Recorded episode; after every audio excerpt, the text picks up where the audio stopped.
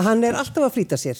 Nema á stofugangi þá finnst hjókunarfræðingunum hann helst til stoppa á lengi til þess að spjalla. Tómas Guðbartsson, hjartaskurlæknir, er gestur minn í okkar á milli.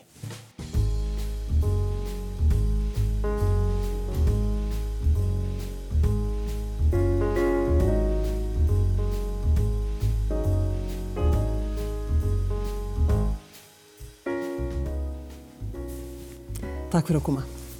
Takk fyrir. Finnst þér gaman að tala? Já, ég get ekki neyta því. Ég er nú stundum kallaði tómt mas.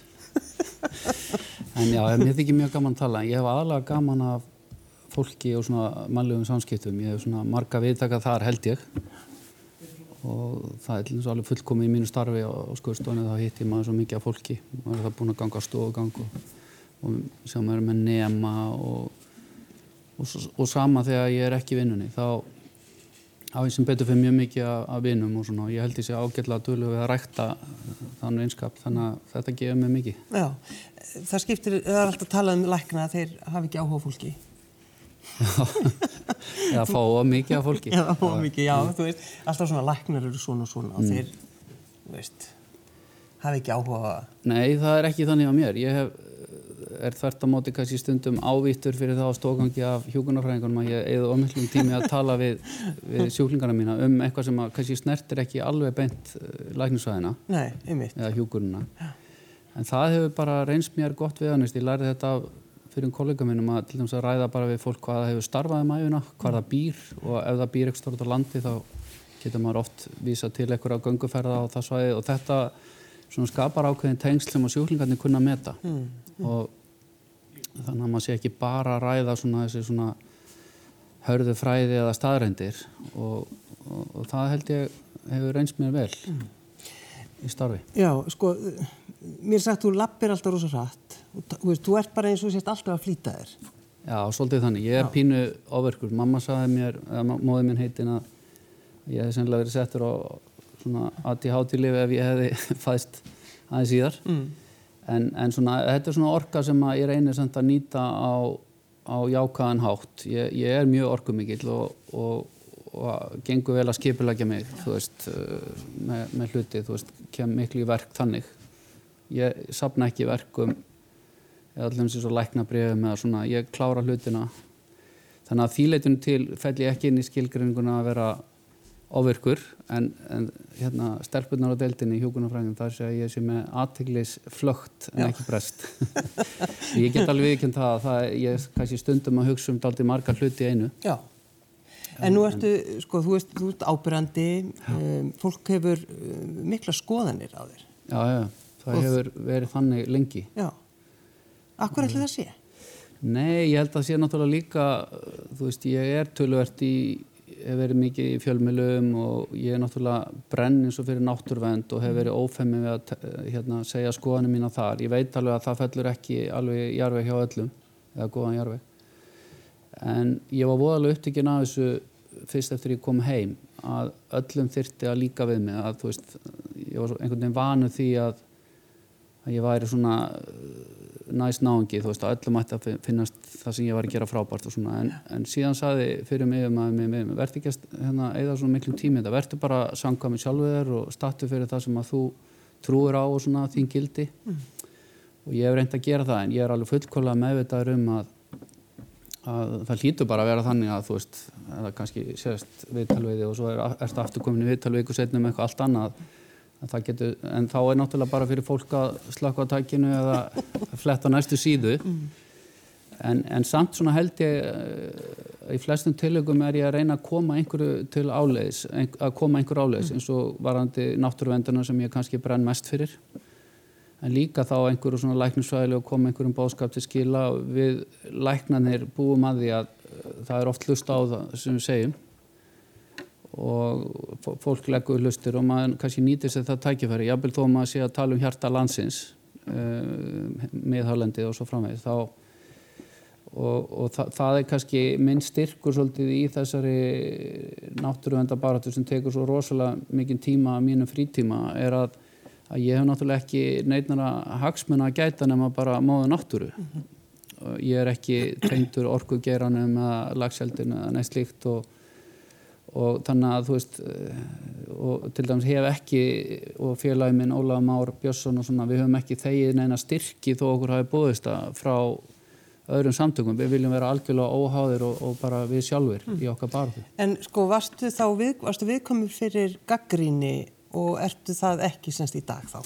Já, ég, gata, ég myndi segja svona sem ungu læknir og læknum þá er ég fyrir eitthvað viðkomið fyrir gaggríni mm. að, að þú veist uh, og, og tók henni ekki nógu vel.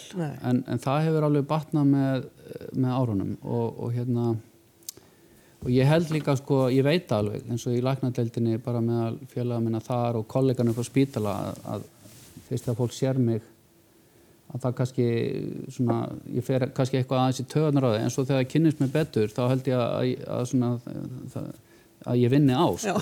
Segja alveg, ég er allt í lægi Já, já, en, en þú veist, þetta er bara ég, fólk er mismunandi sko, og, og ég er búin að læra það ekki í lífi, þú veist að það eiga eins, eiginlega allir sér góða hlýðar, maður er eins og teningur þú veist, og hjá sömum koma bara upp sexur alltaf. En flestir eru með ása líka og tvista og svona og, en, það, en það gildir allavega hjá flestum að reyna að finna þessa sexu sko. Og, og gefa fólki tækifari á að að sína hana líka. Og, og hérna þannig að ég reyna að vera ekki ég var kannski sem yngri aðeins dómharður ef að fólk var mér ekki sammála og svona ég var að vera miklu svona yfirveri þar. Og, og hérna líka allir mis að ef ég er að gaggrina unglakna eða lækna nema sem að er stólhut á mínu starfi eða sett ekki gaggrina en kenna að svona að gefa fólki tækifæri á að þroskast og, og benda þeim jafnvel á eitthvað sem að hugsanlega geti verið að tröfla þau í starfi eða námi og, og þá getur það bætt sig og þá er svo gaman að sjá fólk svona þróskast áfram já, já. Þannig, þannig. Sko það er alltaf eins og bara þú mætir aldrei vinnuna þú, þú ert alltaf einhver staður upp á fjöllum já. og það, maður hugsa sem þú hver er vinnur þessi maður? Og þú ert hjartalegnar, það eru tveir hjartalegnar á Íslandi. Hjartaskullagnar hjartaskullagnar og þú ert bara Já, upp á fjöllum. Við erum reynda með eitt í viðbóta núna sem hefur verið hlutastarfi sem er að hætta reyndar vegna aldurs. En það voru félagi okkar hérna hann lést fyrir aldur fram úr krafminni og annar flutti til bandaríkjana, fyrir mm -hmm. mjög góða stöðu þar. Og þessir yngri sem eru núna við það að klára úti þeir eru einhvern veginn ekki alveg reyðbúin að koma heim alveg strax, telja sér þurfa meiri reynslu. Það er aldrei ábyrg að koma einna heim og þurfa að reyka sjóppuna einn og vera jafnvel einn á landinu. Já.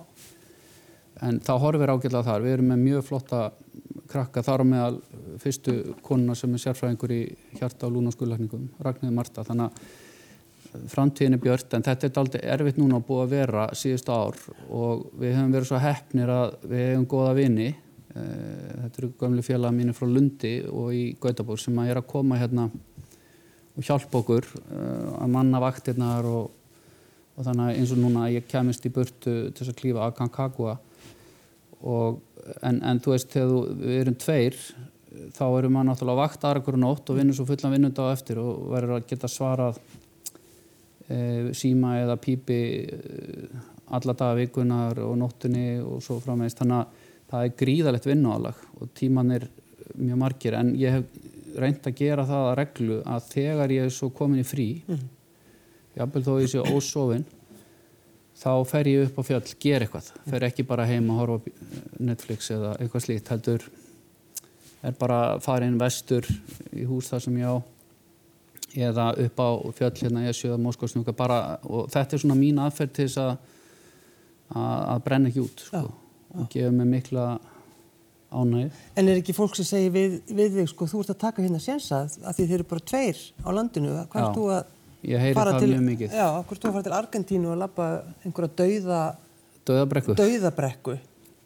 Já, Thomas. það er alveg rétt það, það, og ég heyri þetta bæði í vinnunni á mér því að fólk minnir mig bara á hvað ég sé vermaður og félagið minn líka og ég er alveg gjössalega meðvitaður um þetta mm. veist, og þess vegna er ég eins og í þessari göngu núna sem var alveg tveggja vikna dæmi og, og, og tölvert hættuleg að þá er ég samt mjög varkar ég er búin að setja mér ákveðin skilri að ef ég lendi ákveðnum aðstæðum eins og til dæmis ef mér er þið mjög kallt á fingrunum sem er mikið vandamál, svona kul og, og kalsár, að þá myndi ég snúa við. Já.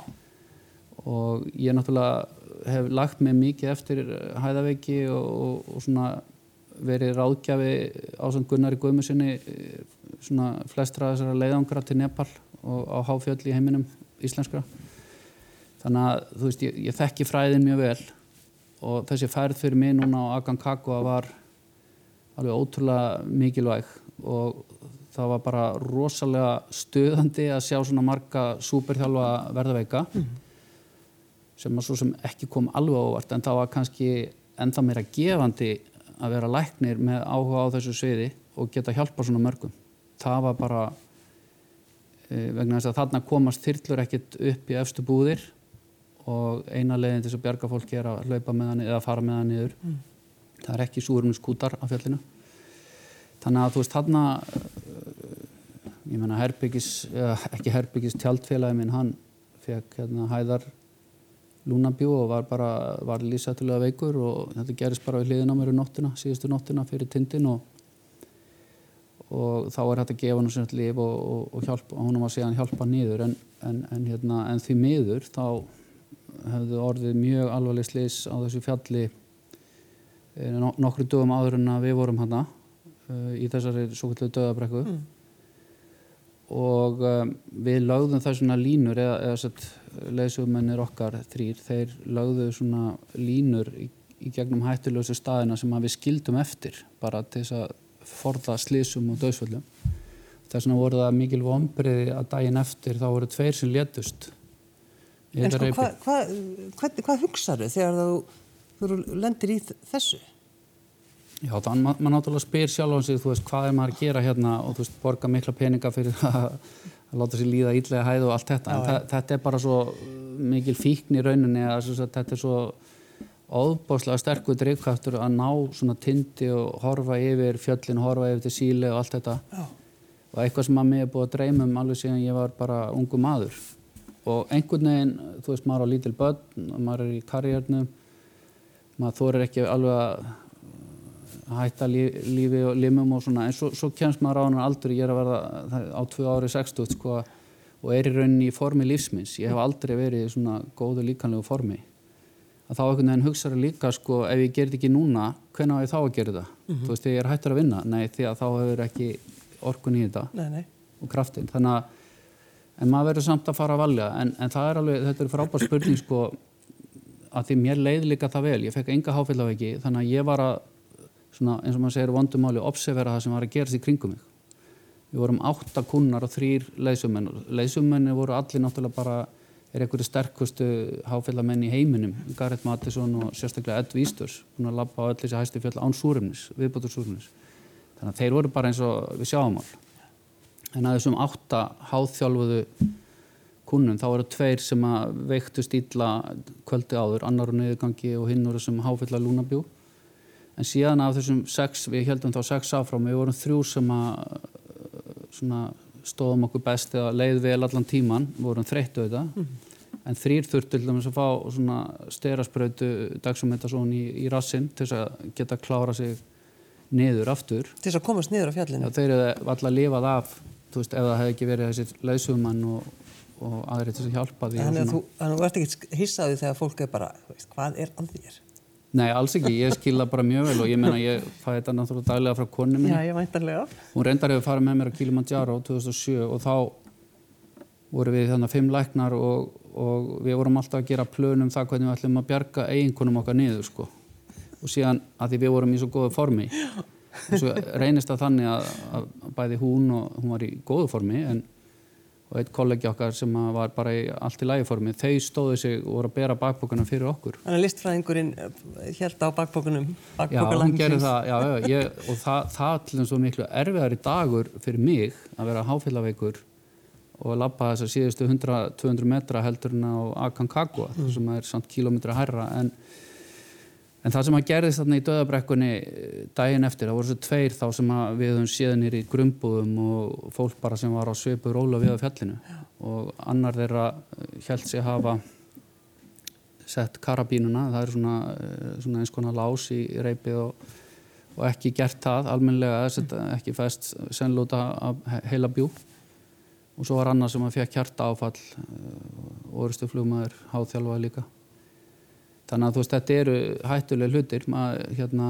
maður er að bera mikla virðingu. En það sem var ánægilegt það var eiginlega búið að segja við okkur að þessir tveir sem að slöðu svo stíla nokkur dögum ára það er nefnilega kingdinu snjó á fjallið. Þannig að aðstæðu voru miklu miklu erfiðar en velja og við vorum sem betur öllundubúin en það var mjög gefandi að því maður sá þetta fólk flutt í þyrlu fyrst nýri grunnbúður og svo áfram niður eftir.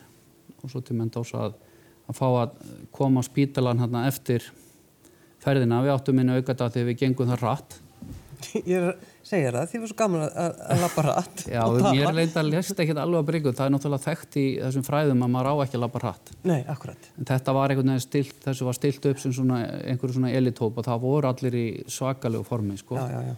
Og, og menn verða skilin svona toppa CV og öllu. En, en, en þú veist, þá fór ég hann inn á spítalan og fekk að sjá þetta saman fólk og, og, og, og talaði við einhverja sem voru búin að vera í kóma í nokkra daga og svona voru mikið slasaðir en voru lifandi. En byrju, hvernig gafst þú bara lappað inn á spítalan alveg, ég er hérna ég er, ég er lækna Tómas, ég þarf aðeins að koma Ég er enda svolítið góður í þessu sko, ég hugsaði hvernig við gera þannig ég byrjaði að reyna að senda þeim e-mail og ringi þá í gegnum reytaran þeirra um helgina og það gekk ekki. Þannig ég enda á því að ég tók bara legubíl klukkan 6 um morgunin inn á spítalan sem heitir Hospital Italiano og er frægasta hjartaskurðdelt í norður Argentínu. Þetta er í, Mendoza, eða ekki? Jú, Já. tvekja miljónu borg. Og þá var aðalkallin hann, Claudio Burgos, hann var í, í fríi í, í Miami, en sonur hans, hann á tvo sinni og þeir eru báði hjartaskurðlarinn á deltinu og hann er búin að kenna þeim báðan. Já. Og ég saði við þá, því ég var nú búin að googla það og vissi það, að þessi fræði skurðlarinn pappi er að hann hafi lært á Karolinska og kennararnir, eða þeir sem voru með honum í náminu þar voru kennararnir mínir í lundi. Þannig að ég notaði svolítið þess að takka og þegar þeir fréttu það að hérna ég hef verið í, í, í lundi og svíþu og svona þá var mér tekið bara opnum örmum og, og þetta var bara frábært. Og, og þeir eru fyrir eitthvað afslappaðir svona argentínumennir. En þarna sett fekk ég þá tækifæri til að sjá alla þessa sjúklinga og við erum að tala um bara hverjum degi eru þeir að fá ákveðin fjölda sjúklinga af fjallinu eða það í kring en við erum kannski að fástu þessi sömu tilfelli á Íslandi bara þú veist, í allt, allt öðru skala mm. og ég hef komið að mörgum þeirra uh, þú veist, það sem við hefum verið að hýta fólk í hjart og lúna vel eftir snjóflóð og svo framvegs uh, og það sem betur verið hefur gengið gengi vel um, allavega það eru nokkri sem hafa lifað af eins og hafa verið mjög erfislis og tröllaskaga og víðar eins og í fyrra var í, var í fyrra, já. Já. Og ég menna einn kom hann inn til okkar með 25 gráðu líkansitta þannig að hjarta er rauninni hægt að stoppa en, en þá er þeir kaldir sko og, og hérna það getur bjarga heilanum. Og, og hérna og, og þannig að það, það er rosalega margt þarna sem að hægt er að læra af fjallinu og hæðaviki sem að hægt er að tengja við klíniska starfi á spítalanum. Því að þú veist eins og í vinnunni á mér þá er maður mjög ofta að vinna með súrumni skort að hjartabilar eða lungumbila og þá er súrumni skortur í líkamannum og sömur þólaðinan súrumni skort vel aðrir illa og jafnvel þessu ungu þólaða verður en þessu eldri. Og þetta er þessu með hæðaveikina að veist það er alls ekki gott endilega að vera marathónlaupari til þess að fara á Aconcagua. Mm.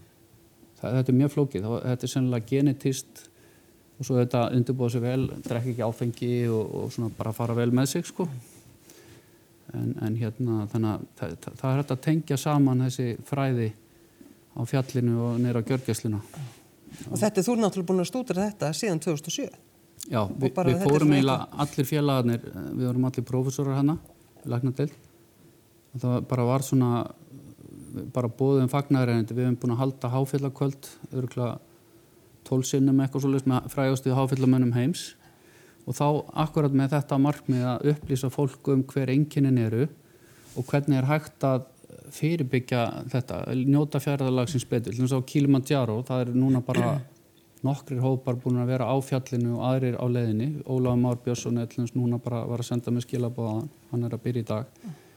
En þau eru einmitt búin að fara á Montenegro áður sem er aðeins minnafjall, fara upp sofa neyri bænum og tegja aðeins á þessu því við fórum allt og hratt upp. Og hérna sem var til þess að að, að, ég fekk hæðarveiki reyndar ekkit mjög alvarlega en, en samt. En, en svona var til þess bara einhvern veginn að við fórum að hugsa að byrja hvað er í gangi hérna? Mm. veist, við erum prófessorar og læknar við erum búin að lesa okkur alveg helling til en við áttum aldrei einhvern veginn vona því að við myndum, og burðamennir höfðu svona super trú á okkur líka sko. You are a strong group. Og hérna þannig að þú veist og, og þannig kynntist ég Ed Vísters uh, fyrst því að ég bauði hann til Íslands 2013 að halda fyrirlestur um K2 og hann bauði mér síðan með í þennan leðangur meðal annars að því ég er læknir og, og hann hefur verið að skýða með mér hérna á Íslandi. Við fórum á hotstrandir og jökulferði þannig að okkur hefur orðið svona vel til vinna og, og hérna og það var bara stórkoslega ég saði nú hérna á Facebook þetta var svona eins og að erum einhvern veginn á fókbóltæðingu með Ronaldo og Messi, þú veist Gareth Mattisson og hann saman. Og mikill ægi, miklu miklu meiri ægi en ég beiti hérna á Íslandi sem farastjóri, þú veist, þeir voru bara þú veist, allir tilbúinu klukka nýju svo bara stoppa á klukkutíma fresti engin auka pissi stopp eða um, myndapásur eða neitt. Það var bara alltaf öllum haldi í gangi svolítið svona eins og ég hernum sko. Mm. og maður skildi alveg afhverju sko. Og ef einhver var að drolla svona, þá fekk hann alveg aðtöðsendir sko. Og, og hérna það var alltaf hérna take your time but be on time. Já, ertu alltaf jafn sko undrandi þegar þú horfir á hjarta í mannesku? Já, ég var nú bara að koma hérna úr aðgerð bara rétt að hérna, við hittum sér náðan og ég er alltaf að segja læknanum þetta sama að, að við séum svo miklu lukkuna pamfélag hjartaskularnir að vinna í svona fallegu umhverfi því að hérna bæði lungun og hjarta eru svo fallið líffari þannig ég segi við þá að þetta sé eins og að vera flugmaður eða flugstöru hjá hérna, Swiss Airlines að fljúa er alpana. Og hérna, en ég þekki þetta líka því ég er auðvitað búin að lærði líka hverjólskulækningar og svona þannig ég ætla nú ekki að tala neitt önnu líffari niður þannig að engin mókist en við erum auðvitað alltaf mest að rífast við heilaskulæknina um það hver sé flottastur. Jú, jú, akkurat. Hérna, en, en, en það er alltaf jágaman og sérstaklega þegar við erum búin að stoppa hjarta eins og áðan þá stoppum við hjarta í tvo tíma og, og svo tökum við töngin af og, og maður býður eftir að sjá hjarta að fara í gang. Þetta er bara og ég tali ekki um þegar maður er að gera hjarta ígræslur sem ég tók þátt í Erlendis og við gerum ekki á Íslandi, við förum með sjúklingan til Gautaborgar en, en við erum að gefa helmikið fleiri líffari hérðan en við þykjum og menn koma þá hérna á enga þóttu og, og flugtíminn til Gautaborgar er akkurat í krigu þrýr klukkutímar ef það er kert á fullu gasi. Og þeir fá hér, kannski hjarta hérðan sem er lagt á ís og er svona kringum 6 gráður meðan það er varvett og svo fer það inn og þá er búið að opna sjúlingin úti. Það er grætt í. Og það getur verið Íslandíkur þú sem er að byggja þetta hjarta úti. Og svo hérna fer hjarta á stað og ekki bara það heldur það fer bara að dæla einu bakkeri sko á einhverjum klukkutímum skilur þetta er svo ofbúslega framleysla og þetta er eitthvað svona sem maður gleymir aldrei þegar maður sér þetta fyrst og, og bara held ekki með enn sko bara hvernig þetta er hægt.